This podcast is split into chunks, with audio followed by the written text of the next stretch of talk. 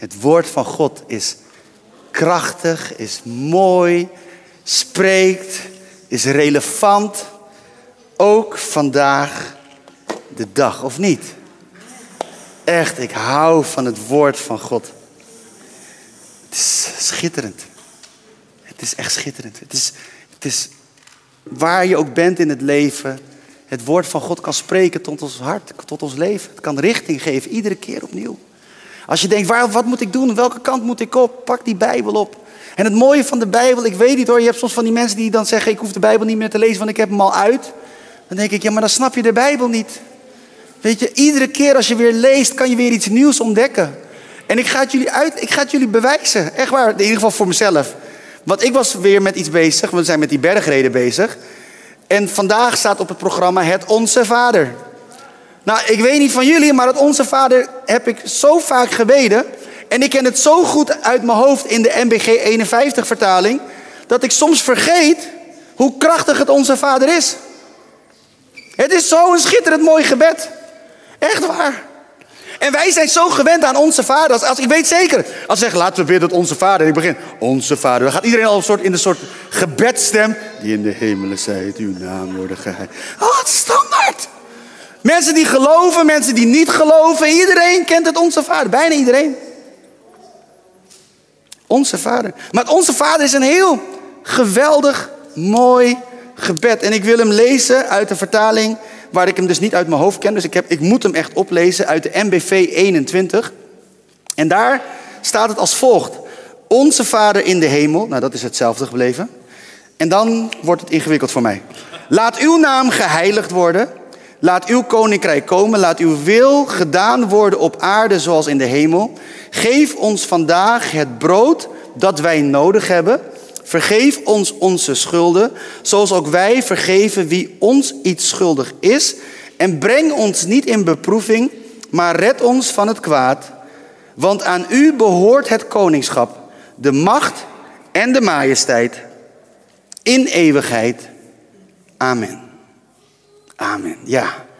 En ik zal jullie eerlijk zeggen, tot een paar weken geleden was het me nooit opgevallen maar het Onze Vader opent met de woorden Onze Vader.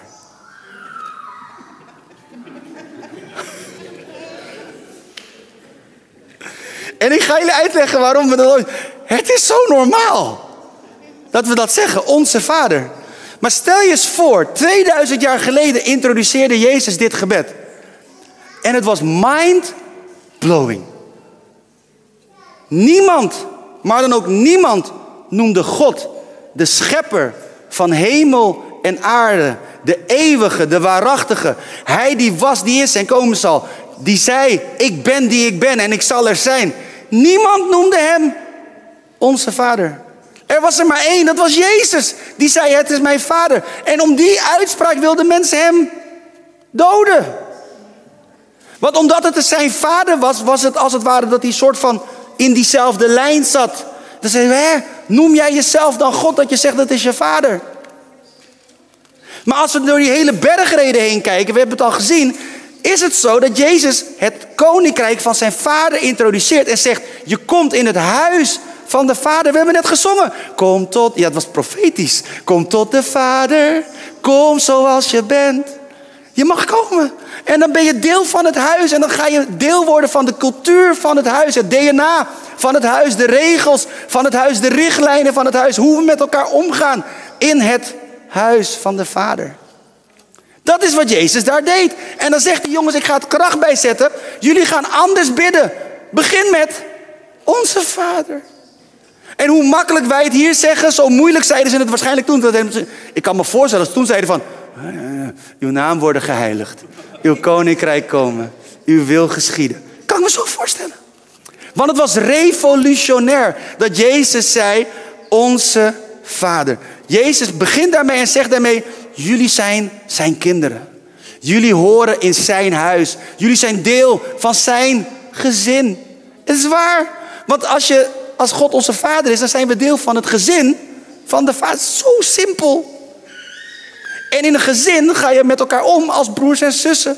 Daarom noemde ik vroeger in de kerk waar ik uit kwam, zeiden altijd broeder die, broeder zus, zuster zo. Weet je wel dat?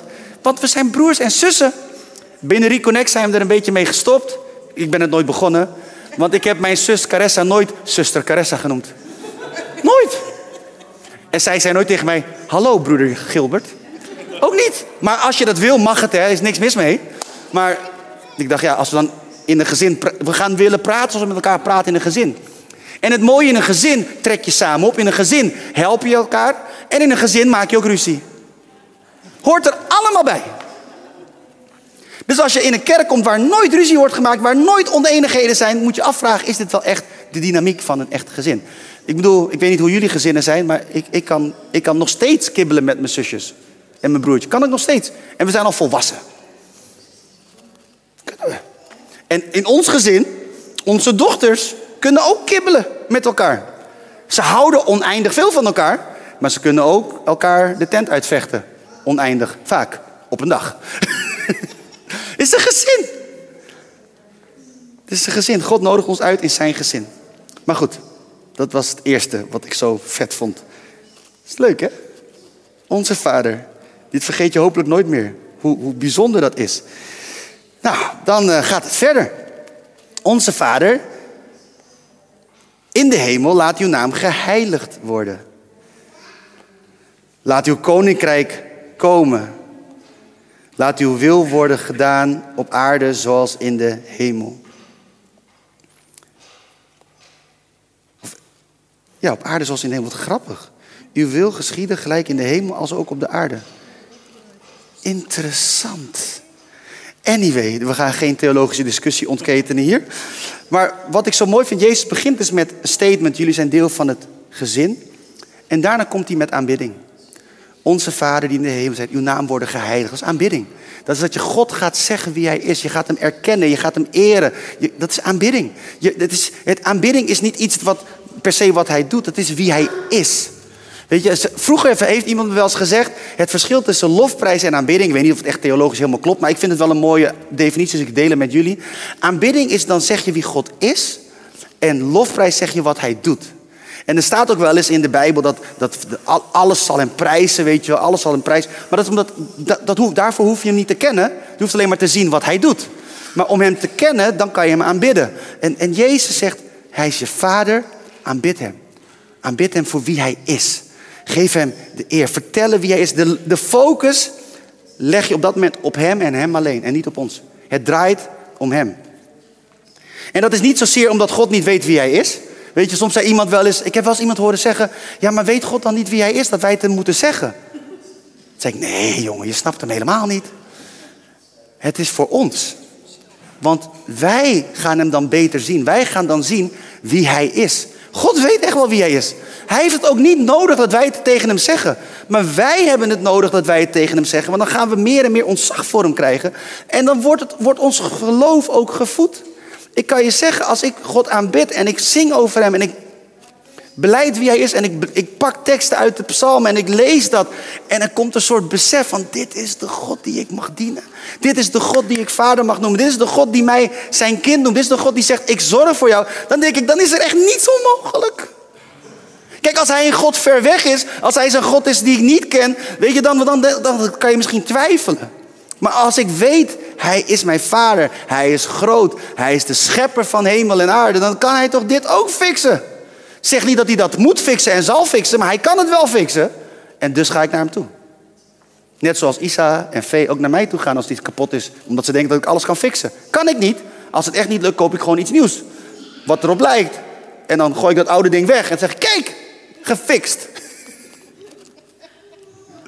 Maar zo simpel als het is in het aardse, zo is het soms ook in het geestelijke. Dus de ene keer repareert God echt iets. En gaat hij naast je zitten en pakt hij de gebroken stukken op. En dan lijmt hij alles aan elkaar. En de andere keer zegt hij, hé, hey, ik heb iets nieuws voor je. Dit is, dit is, next, dit is versie 2.0. Je krijgt niet de beta-versie, maar dit is de stable release voor de IT'ers onder ons. Weet je, dat is ook God. Dan geeft hij iets nieuws.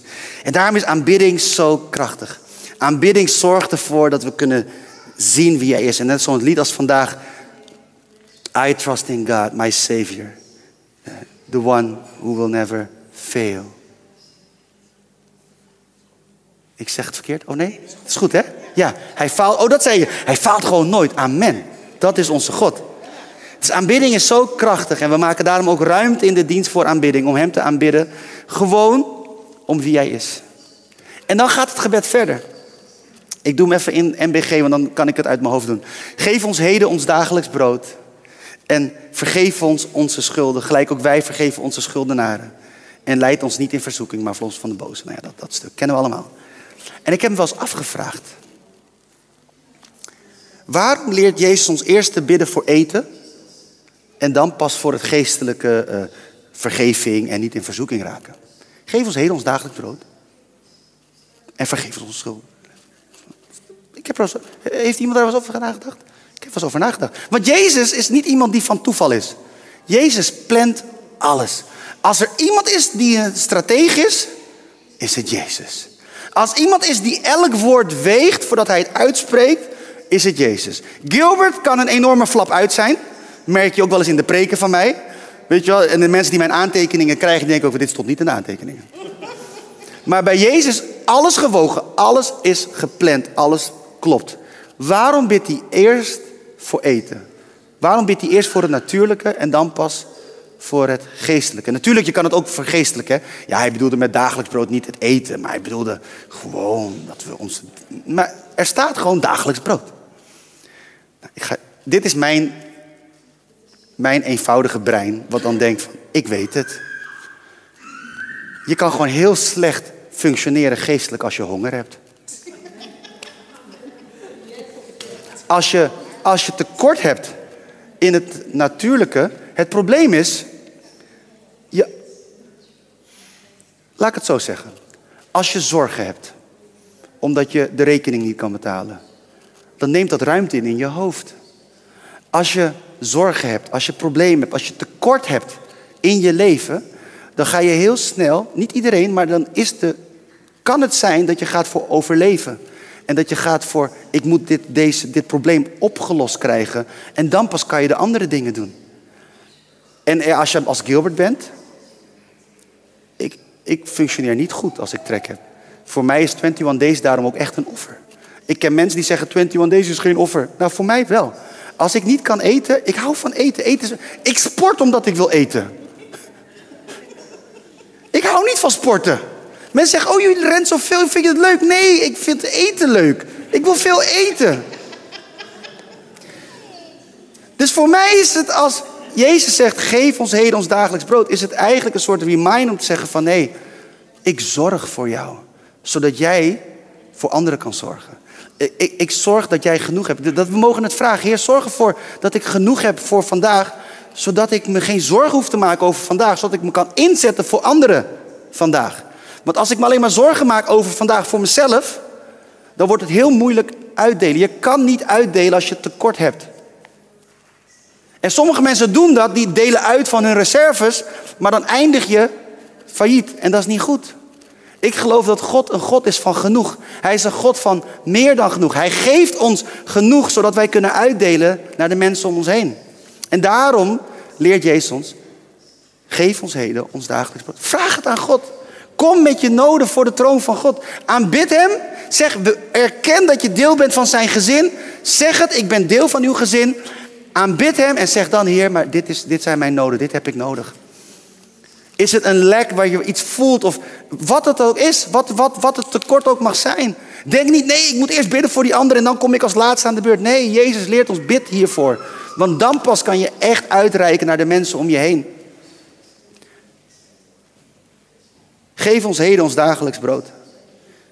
En daarna komt en vergeef ons onze schulden. Misschien dat David daarom ook zegt hè, in die hele bekende psalm. De Heer is mijn herder, mij ontbreekt niets. In het Engels staat het zo mooi. The Lord is my shepherd, I shall not want. Staat er in de King James versie. Ik hou van die vertaling. Zo mooi. Sommige woorden denk ik echt ja, heel ingewikkeld. Maar dat vind ik zo mooi. The Lord is my shepherd, I shall not want. Met andere woorden, de Heer is mijn herder. Alles wat ik nodig heb, heeft hij mij gegeven. Dat is het startpunt van Psalm 23. En, dan gaat het verder. Hij doet mij nederliggen in grazige weiden. Ik had vroeger altijd, het, ik heb het wel eens verteld binnen Reconnect. Ik had vroeger altijd het beeld bij grazige weiden dat je dan, wat je in Nederland hebt, hè, die weilanden vol met gras. Dat is mijn beeld van grazige weiden. Maar toen hoorde ik een keer zo'n bijbelleraar, een, uh, die zich heel erg had verdiept in, in Israël en het Joodse, uh, in die tijd vooral. En die zei, jongens, in die tijd waren grazige weiden niet weilanden vol met gras. Grazige weiden, die vond je op een heuvel. En dan, dan kwam de dauw kwam daar tegenaan en dan had je daar grassprietjes. En er waren polletjes, waren bij elkaar. Het was niet heel veel, maar het was genoeg. En daar konden de schapen grazen. En de herder wist, elke dag was er genoeg voor één dag. En die bracht de schapen dan de volgende dag weer verder naar een andere plek, daar waar ze weer konden grazen. En dat is het beeld wat David gebruikt. Toen dacht ik, oh, dit is mooi. Met andere woorden, het is genoeg voor vandaag. Je hoeft, het enige wat je hoeft te doen, is de herder te volgen, achter hem aan te gaan. En dan weet je, er is genoeg voor vandaag. Geef ons heden ons dagelijks brood. Voorzie in mijn dagelijkse nood, in dat wat ik vandaag nodig heb, zodat ik vandaag niet langer word afgeleid door het aardse. Want wanneer onze nood geledigd is, dan ontstaat er ruimte om ons te richten op Hem. En dan kunnen we ook weer ontvangen uit Zijn hand, waardoor wij weer kunnen geven wat wij hebben ontvangen. En wanneer we dat doen, dan fungeren we als een kanaal van en voor Hem. En dan zijn we ook op het punt dat we moeten vragen: leid ons niet in verzoeking, maar verlos ons van de boze. Help ons om ons niet af te laten leiden wanneer wij in uw dienst mogen staan. Laat het blijven gaan om u en om u alleen. Het is zo makkelijk om afgeleid te worden, jongens. Vooral als je een leven leidt van genoeg. Vooral als je merkt dat je wandelt in de zegen van God. Vooral als je merkt dat de glimlach van God op je leven is. Vooral als je merkt dat je wandelt onder de gunst van God. Dat je merkt dat de genade van God je draagt. Dat je geleid wordt en dat je overspoeld wordt met genade en met gunst. Het is een geweldige plek om te zijn, maar tegelijkertijd is dat ook een kwetsbare plek. Want je kan zomaar denken op een gegeven moment dat je het verdient. Je zou zomaar zo kunnen denken dat je dan denkt van, ja zie het is altijd zo, dus dit, dit is waar ik recht op heb. Dit is mijn deel. En dan vergeet je dat het allemaal genade is. Dat het allemaal Gods gunst is. En dat Hij het geeft aan jou, zodat jij het mag uitdelen.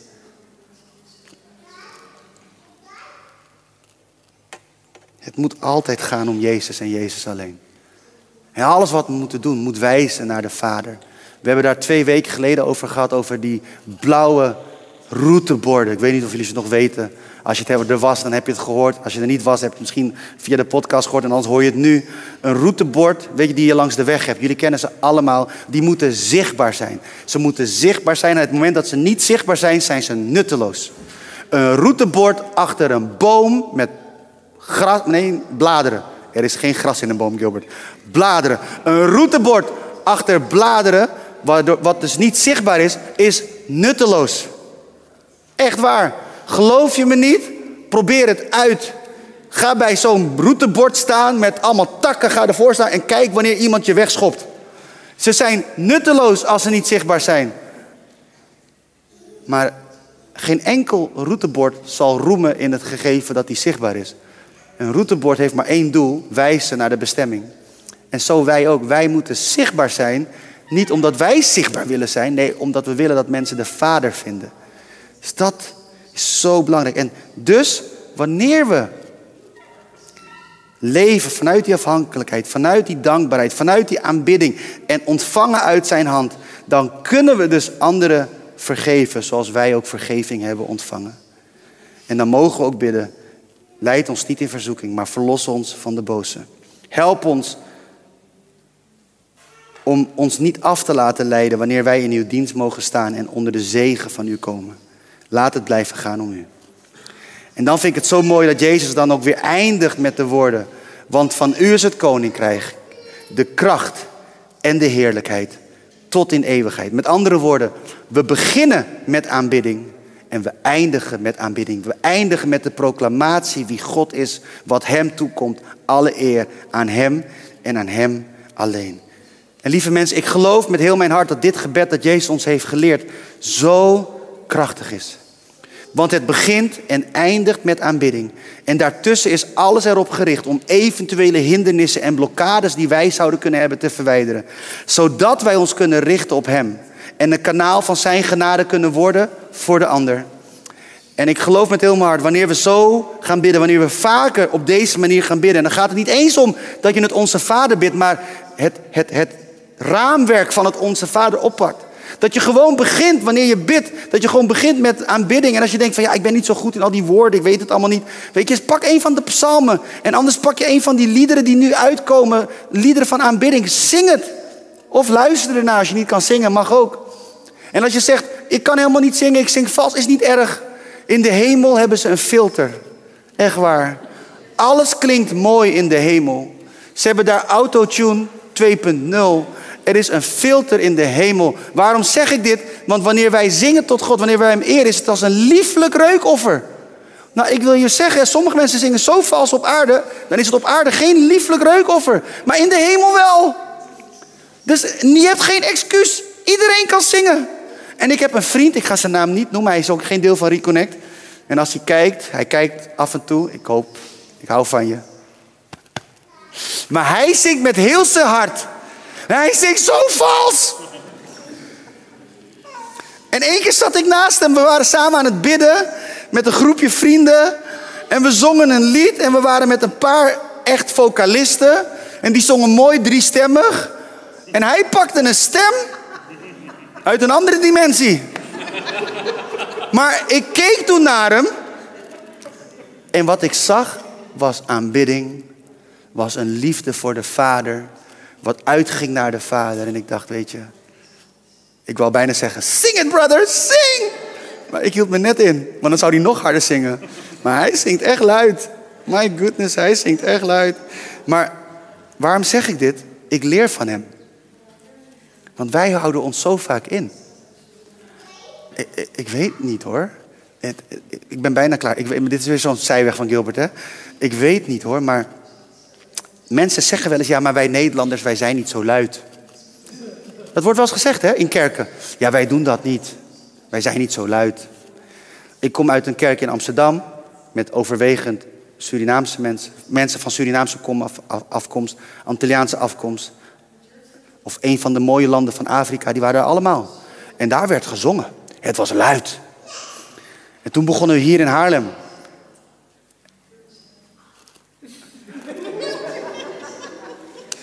Maar mensen zeiden ook, ja maar Gilbert, wij, weet je, wij witte Nederlanders, wij, wij zingen niet zo luid. Ik dacht, ja. Eerst, ik, ik dacht, ik trapte er bijna in. Totdat ik nadacht over een voetbalwedstrijd waar ik ooit was geweest. En Nederland won. Ik heb mensen horen zingen die niet konden zingen. Maar ze zongen voor Nederland. Nederland, oh Nederland, je bent de kampioen. En ik denk, oh, jij bent wit. en je zingt heel hard. Dus je kan het wel. En natuurlijk, niet iedereen is luid. Sommige mensen zijn gewoon heel tam en heel rustig. En dat is helemaal oké. Dus dan, dan is je hart heel luid. Dat kan. Maar je gaat me mij niet wijsmaken dat een hele kerk niet luid is. Dus ik ben dankbaar voor de luide. En dit is een aanmoediging voor de luide mensen onder ons. Hou je niet in. Zing je lied. Ook al zing je vals. I don't care. In de massa van de stemmen wordt het mooi. Echt waar. Echt waar. Dus het begint met aanbidding. Het begint met aanbidding. En dan komen we met onze noden voor de troon van de Vader. Zoals de Hebreeënbrief schrijver ons ook uitnodigt. Kom vrijmoedig voor de troon van de genadige. Kom vrijmoedig, kom met je nood, kom. Petrus schrijft het. Hè? Dat werp al uw bekommernis op hem. Hij zorgt voor u. Kom met je nood, roep het uit. Doe als David, schreeuw het uit naar de hemel. Heer, dit, ziet u het niet? Je mag het, zelfs dat mag je zeggen, dat heeft David ook gedaan. Je weet dat hij het ziet, maar soms voelt het alsof hij het niet ziet. Dus dan kan je in alle eerlijkheid zeggen, Heer, ziet u het dan niet? En dan denk je bij jezelf, ja, ik weet dat u het ziet, maar toch, ik wilde het zeggen. En dat lucht op. En ik vind het zo fijn dat de Bijbel ons ruimte geeft om onze emoties te uiten, terwijl we geloven dat het anders is. Want dat helpt ons. Het haalt de druk eraf. Dus je roept het uit. Ziet u dat niet? Nou, ik heb iets nodig. Het gaat niet goed hier. Ziet u niet? Mijn gezin valt uit elkaar. Ziet u niet? Ik heb geen, geen geld om rekeningen te betalen. Ziet u het niet? Ik heb u nodig. Help. Help mij. Geef mij mijn dagelijks brood. Help mij, Heer. En vergeef mij mijn schuld, zoals ik ook anderen vergeef. En waarom is het belangrijk om anderen te vergeven? Omdat ik geloof, wanneer we anderen niet vergeven, dan houden we ons vast aan, aan boosheid, aan wrok, aan, aan de pijn die onrecht ons heeft aangedaan. En ik kan je één ding zeggen, je kan geen cadeau van vergeving ontvangen als je handen zo zijn. Het gaat je niet lukken. De volgende keer als je jarig bent, als je me niet gelooft, de volgende keer dat je jarig bent en iemand komt met een cadeau en zegt: Hé, hey, alsjeblieft, dan moet je het zo aannemen. Dan kijken ze je raar aan. Als je handen iets vasthouden, kan je niks aannemen. Maar wanneer we vergeving geven, zoals wij vergeving hebben ontvangen, dan kunnen we meer vergeving ontvangen. En kunnen we zo weer een kanaal worden van vergeving. En dan, en breng ons niet in beproeving, maar red ons van het kwaad. Heer, hou ons dicht bij u. Zoals het lied ook zei, hou me dicht bij u. Laat me nooit meer gaan.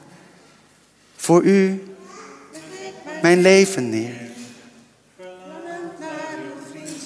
Precies. Dat, dat is dat deel van het gebed. Dat is dat lied. Als je dan denkt, ik weet niet hoe ik het moet bidden, luister naar dat lied. En dan zing je mee. En dan zeg je, You're all I want, you're all I ever needed. You're all I want, help me know you are near. Ik heb wel eens mensen horen zeggen, die zeiden, ja dat lied is niet bijbels, want God is altijd dichtbij. Ja, dat weet ik, maar soms weet je het niet. Je hebt het soms nodig om het te horen. Ik zing soms zodat mijn hart gaat voelen wat mijn hoofd gelooft. Soms is het zo bij mij. Niet altijd mijn hart dat het gelooft, maar soms moet het weer zakken in mijn hart. En dan zing ik het en dan zing ik het tot mezelf. Zeg mensen, oh zing je dan tot God? Ja, eigenlijk wel, maar vooral tegen mezelf. Dat ik weer ga zien wie God is. En dan eindig je weer. For thine is the kingdom. Dat is een liedje, hè? Ken je, ken liedje? De, de, uh, uh, dat is niet de prayer, maar dat is een, het is ons vader in het Engels. For thine is the kingdom. Nee, laat maar zitten. En de glory, ja, ja, ja, wie, deed dat? En de power forever. Amen. Ja, en dan eindig je weer met aanbidding, met lofprijs. Dan prijs je God voor wie hij is. En ik, ik beloof je, als je zo gaat bidden, het gaat iets doen met je gebedsleven. Ik geloof echt, je gaat ontmoetingen met God hebben. En als je me niet gelooft, 14 oktober hebben we een gebedsevent met allemaal kerken uit Haarlem. Huis van Gebed Haarlem organiseert het. Dan gaan we op die manier bidden. We gaan aanbidden. We gaan komen met onze noden. We gaan getuigen van de goedheid van God. Klopt dat, Anneliese? En het wordt geweldig. Het wordt, het wordt... Hoe heet het ook weer? Wat is de naam van het evenement? Hoe heet het? Let your kingdom, your kingdom come. Oh ja, come on nou. Ik hou ervan. Dus 14 oktober in de Wilhelmina kerk. Het wordt echt... Het wordt crazy, jongens. En echt, je mag heel stil komen om te bidden. Dat mag zeker. Maar Anneliese heeft ik wou zeggen, een fout gemaakt om mij te vragen om het te hosten. Ik ga luid zijn. Ik ga, ik, ga luid, ik ga mensen uitnodigen in mijn binnenkamer. Gewoon hoe ik dat doe. Het is gewoon, ja. En dan misschien de andere keer een dominee die rustiger is. Maar deze keer gewoon, ik, we gaan God aanbidden. We gaan het uitroepen. We gaan de hemel bestormen. We gaan Gods geloof voor zijn voorzienende hand in Haarlem, in de regio. We gaan geloof voor wonderen, voor tekenen, voor mensen die tot geloof komen. Voor de zonen en dochters die verloren zijn, dat ze weer terug mogen komen naar het huis van de Vader. Ik bedoel, en nu ben ik echt klaar, nog één ding. Haarlem was een stad die met een hele mooie geschiedenis. Hè? Haarlem was een van de steden, een van de vrijplaatsen werd het genoemd. In Haarlem twee keer per jaar, in de Kruisstraat in Haarlem, sta je, je hebt nog een plakkaat op de grond. Daar was de Kruispoort. Ik ga jullie wat geschiedenis leren. Daar was de kruispoort in de Kruisstraat. En als twee keer per jaar het kruis hing boven de poort, mochten mensen weer naar binnen komen die anders niet naar binnen mochten komen. Door de poort van het kruis, door het kruis heen, mochten mensen weer thuiskomen in de stad waar ze hoorden. Dat is, het, dat is de legacy van Haarlem. En je ziet er niet heel veel meer van terug. Maar ik geloof dat het weer terug gaat komen, jongens. Ik geloof erin. Wat, en dan zeggen mensen, ja, maar er komt een groot verval en dit en dat. Ja, klopt, geloof ik ook in. Maar Jezus zegt ook, ik zal mijn huis bouwen. En de poorten van de hel zullen haar niet kunnen overweldigen. En ik weet één ding, als Jezus bouwt, dan kan de hel proberen alles tegen te houden, maar het gaat niet lukken. Dus we gaan 14 oktober bidden. Voor de verloren zonen en dochters om terug te komen. We gaan 14 oktober bidden. Het mooie van Huis van Gebed Haarlem is, ze hebben ook... Een van de pilaren is dat ze naar buiten gericht zijn. Dat ze geloven dat gebed zonen en dochters thuis brengt. Dat ze missionair kunnen zijn, dat ze mogen uitrekken. En wij hebben gebed gemaakt tot iets in, alleen in de kerk, alleen in de binnenkamer, alleen maar gericht op ons. Maar ik vind het zo mooi dat er een beweging is vanuit 24-7 prayer die zegt, nee, gebed is dat je klaargemaakt wordt om de mensen daar buiten te ontmoeten. Om mensen buiten weer naar binnen te brengen. Om van mensen van buiten weer te zeggen, kom tot de Vader. Gewoon zoals je bent. Met heel je hebben en al je houden. Kom gewoon thuis. Want God houdt van je. 14 oktober. Hij komt zo meteen nog voorbij in de aankondigingen. Maar 14 oktober gaan we bidden. En ik zou het vet vinden als er heel veel reconnectors zijn. Omdat we een biddende kerk zijn. Of je het nou leuk vindt of niet. Wij geloven in de kracht van gebed. We kunnen een zondag zonder drumstel. We kunnen een zondag zonder piano. We kunnen een zondag zonder gitaar. We kunnen zelfs een zondag zonder zangers. Maar we gaan geen zondag kunnen hebben zonder gebed. Dat is waarop we draaien. En ik vind het ook leuk als we een hele volledige band hebben. Maar goed, gebed. 14 oktober. Ik ben klaar. Had ik ook beloofd. Ik ga niet meer naar mijn aantekeningen kijken, zo uit. We gaan bidden, jongens. En ik, waarvoor ik ga bidden is dat God met zijn geest ons hongerig maakt naar Hem. Dat er zo'n honger in ons hart komt dat we Hem willen zoeken in gebed. Eh, eh, ik, ik wil bidden dat, weet je, als ik dan hoor het getuigenis van Nathanael. Ik heb dit niet eens verteld. Nathanael was op surfkamp. En dan moesten ze dus hun telefoons inleveren. Dat is nu tegenwoordig zo bij school. Hè. Je mag ze wel meenemen, maar je moet hem inleveren. Want je mag niet op je telefoon zitten. Hij heeft aan zijn meester gevraagd. Ik doe mee aan 24 uur gebed. Mag ik mijn telefoon zodat ik de gebedspunten kan lezen? En hij heeft ook echt alleen daarvoor, hij ging niet daarna stiekem Snapchatten en allemaal dingen doen. Hij heeft daarna wel gezegd tegen zijn moeder, hij ging, hij ging wel appen dat, dat hij genezen was. En toen leverde hij hem weer in. Maar dit is niet omdat hij, hij, is, er toch niet bij, anders zou hij misschien heel verlegen worden nu. Maar het is een jongen die, die God zoekt door alles heen. Maar het is ook gewoon een normale, als je Nathanael kent, het is gewoon een normale tiener. Die ook kattenkwaad uithaalt, hè? Ja, weet je wel, gewoon een normale tiener. Maar hij heeft een honger ontwikkeld naar God. En dan denk ik, ja, en dan wil ik leren van zo'n tiener. Ik wil ervan leren, hij inspireert mij. Gewoon tegen alles in, gewoon zeggen, ik bid. Nathanael is ook iemand die dan allemaal klasgenootjes meeneemt. Hij heeft zijn eigen fanclub in de kerk. Die komen gewoon vanuit school, komen ze mee met hem. Want hij vertelt over Jezus. Het is deel van zijn DNA geworden. Ik denk, ik wil leren van hem. Maar net zoals Nathanael het kan, dat kunnen wij ook. Want hij heeft dezelfde Heer Jezus, hij heeft dezelfde Heilige Geest. Maar God heeft iets in hem geplant. Wat, er is iets aangewakkerd in hem. En ik bid dat dat nooit uitgaat bij hem. En dat hij ons mag blijven inspireren. Ik zou veel nuchterder zijn, denk ik, als ik een stem hoor van... Haal het verband van je voet. Ik, denk, uh, ik ga eerst even bellen met de huisarts of dat wel verantwoord is. Nathanael, gewoon huppakee. Ja, ik heb geen pijn meer. En zijn moeder, ja, doe wel voorzichtig, hè jongen. Het is fijn dat je gelooft, maar doe voorzichtig. Maar dat is geweldig, toch? Dus lieve mensen. En uh, daar willen we voor bidden. Dus uh, laten we bidden. Vader, zo komen voor uw troon in de naam van uw zoon Jezus. Heer, en ik dank u wel voor een voorbeeld als van Nathanael.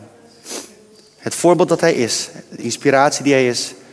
Heer, voor klasgenoten, maar ook voor, voor mij. En misschien voor meerdere hier. Heer, en ik bid, Heer, dat u hem dicht bij u houdt. Heer, en zo als ik bid voor hem, zo bid ik ook voor ons. Dat er een honger mag komen in ons hart voor gebed. Heer, en niet dat we dan denken dat we allemaal professionele bidders zijn. Maar Heer, zoals Anneliese zo mooi zegt dat ze geen professionele bidder is. Maar dat u haar heeft geroepen voor een taak van gebed omdat ze een dochter is van het huis. Heer, en wij zijn zonen en dochters van het huis. Heer, en misschien zijn we niet allemaal voorbidders zoals sommigen dat zijn als een bediening. Maar we kunnen wel allemaal bidden. Heer, en zoals u 2000 jaar geleden uw leerlingen leerde om te bidden. Zo leert uw woord ons vandaag ook opnieuw om te bidden. Heer, en breng ons naar die plaats. Plant dat in ons hart, dat we ons willen uitstrekken naar u. En dat we kunnen beginnen met die woorden, onze Vader. Want we zijn deel van uw huis. U bent onze Vader, wij zijn uw kinderen. En dat we u zullen aanbidden met alles wat in ons is. Dat we onze noden eerlijk neerleggen voor uw troon. Wanneer we binnenkomen bij u, voor de troon van de genadige. En dat we vergeving ontvangen voor de dingen die we verkeerd doen. En ook vergeving uitdelen aan de mensen die ons pijn hebben gedaan. Heer, dat u ons dicht bij u houdt. Elke dag opnieuw. Waarna we weer kunnen eindigen met aanbidding en aanbidding alleen. En Heer, in dat gebed bid ik, Heer, dat u door uw geest tot ons spreekt. Wanneer we dan bidden, wanneer we bidden voor herstel, wanneer we bidden voor vergeving, wanneer we bidden dat u ons dicht bij u houdt, Heer. Dat we mogen bidden voor de dingen die ook dicht aan uw hart zijn. Heer Jezus, dank u wel dat u ons heeft leren bidden. Heer, ik bid, Heer, dat wanneer we de volgende keer het Onze Vader bidden, dat we het niet zomaar zullen bidden als een vers wat we hebben geleerd, maar dat er een nieuwe laag ontvouwd is. Dat er een nieuwe diepte is ontstaan in dat gebed. En dat we het gebed opnieuw mogen bidden met verwondering, in afhankelijkheid naar u. Dank u wel daarvoor. In Jezus' naam. Amen. Ik hoop dat je iets hebt gehad aan de podcast. En als dat zo is, dan kan je ons helpen door je te abonneren, het te liken of een review achter te laten als je via iTunes luistert. Want zo kunnen nog meer mensen onze podcast vinden. En als je wilt, dan kan je ons ook ondersteunen door te gaan naar reconnect.cc slash geven. En dan kan je jouw gift geven, zodat we nog meer mensen kunnen bereiken. Wat je ook doet, hartelijk dank en nogmaals dank dat je wilde luisteren naar de Reconnect Community Church podcast.